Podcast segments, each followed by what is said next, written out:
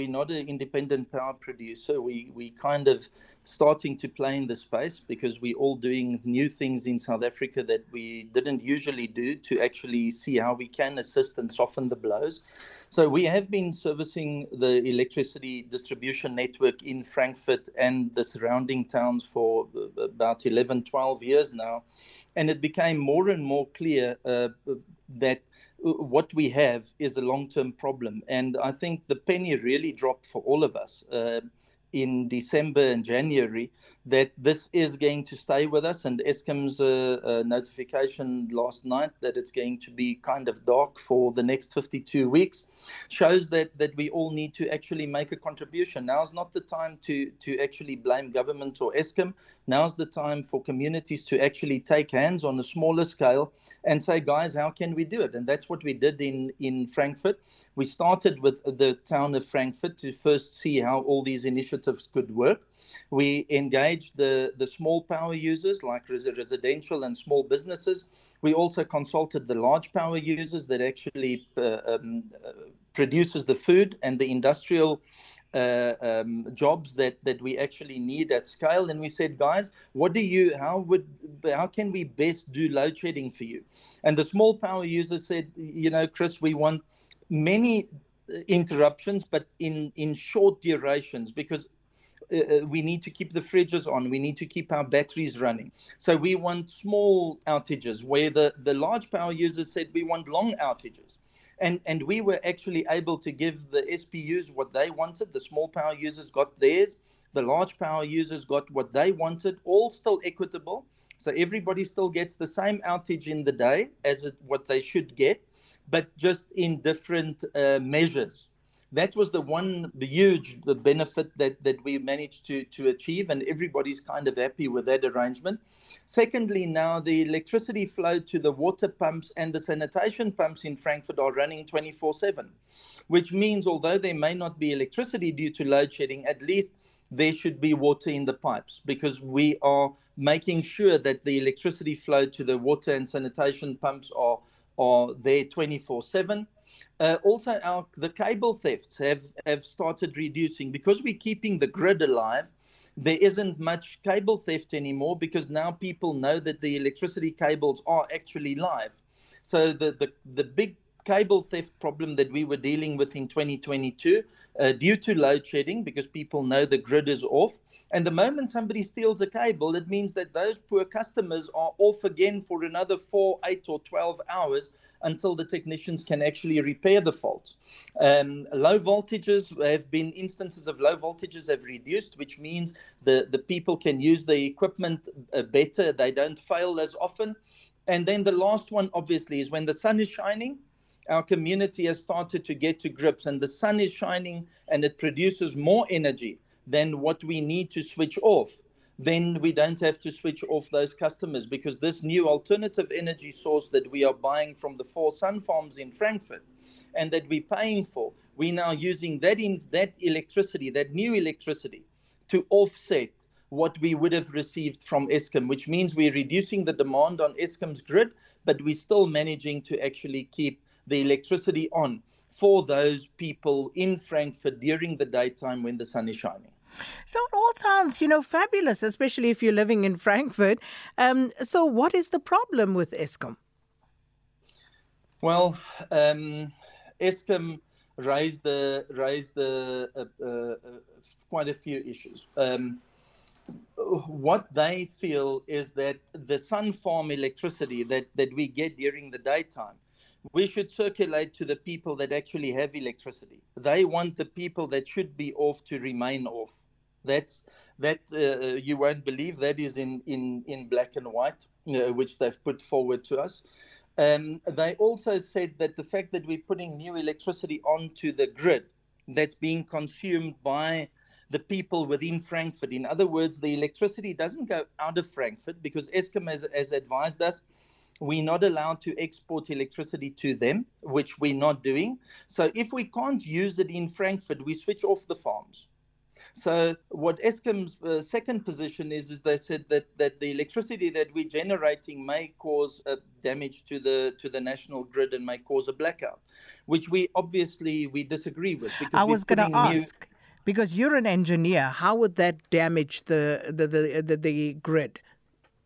Uh, in no way can it damage the grid because we're using the electricity local uh, downstream from Eskom. So this electricity doesn't go to, to Eskom at all.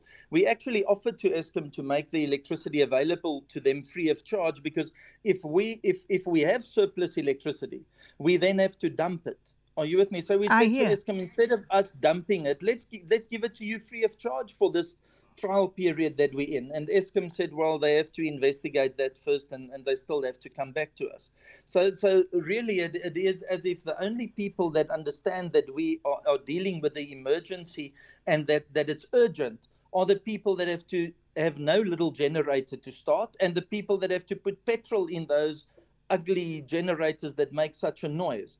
And, and really, I think the South Africans are tired now. And, and we have solutions in communities, and that's what we've explained now everybody together, from township customers to small businesses to big businesses, everybody has pulled together and look at the solution we were able to come up wow. with. And I think it's worth fighting for. it's know? incredible. I'm, I'm still trying to understand why Eskom would be opposed to it, but of course, uh, we will get them to respond maybe tomorrow uh, because uh, we wanted to establish from you first exactly what is going on here.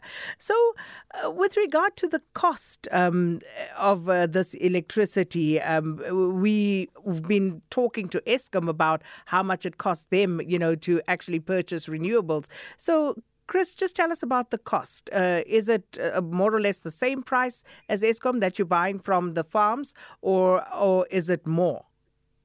No, the, the cost that we've that we've gone, and this is now again where I say because we as a community are are, are dealing with this. There's 21 shareholders in the Sun Farm. We are a shareholder also in that Sun Farm, but we got everybody together and said, guys, you're building the Sun Farm for your new agri production village that's that's busy taking shape. But the fact is, the agri production village doesn't need the electricity now. Can't we finish the sun farms and export that electricity or use that electricity in inside the town? Because the the option is there. And everybody got together and they said okay so what's a fair price? We can do with and when they when we did the calculations we showed to to all our other shareholders guys let's go for 15% under the Eskom price that we're paying for because we should be able to cover all our costs at, at Eskom less 15%. And everybody agreed, even though the, the, the farmers and a lot of those shareholders don't share in the, in the success of the Sun Farms electricity, everybody agreed and said, let the community get the benefit. So we're actually buying the electricity now at Eskom less 15%, and we're not even paying KVA or demand charges, which means it's actually a little bit less than the than the than the 15%, but uh, um, it is less than uh, if that answers your question, Sakina. It does. Um, Hugh, and I still have so many questions because you know this is quite an incredible story. So, Chris, if you could just quickly run us through um, how you then customize your load shedding schedules given that Eskom has now threatened you and they don't want you to actually uh, have people, uh, you know, using electricity outside of the times when they should be load shed?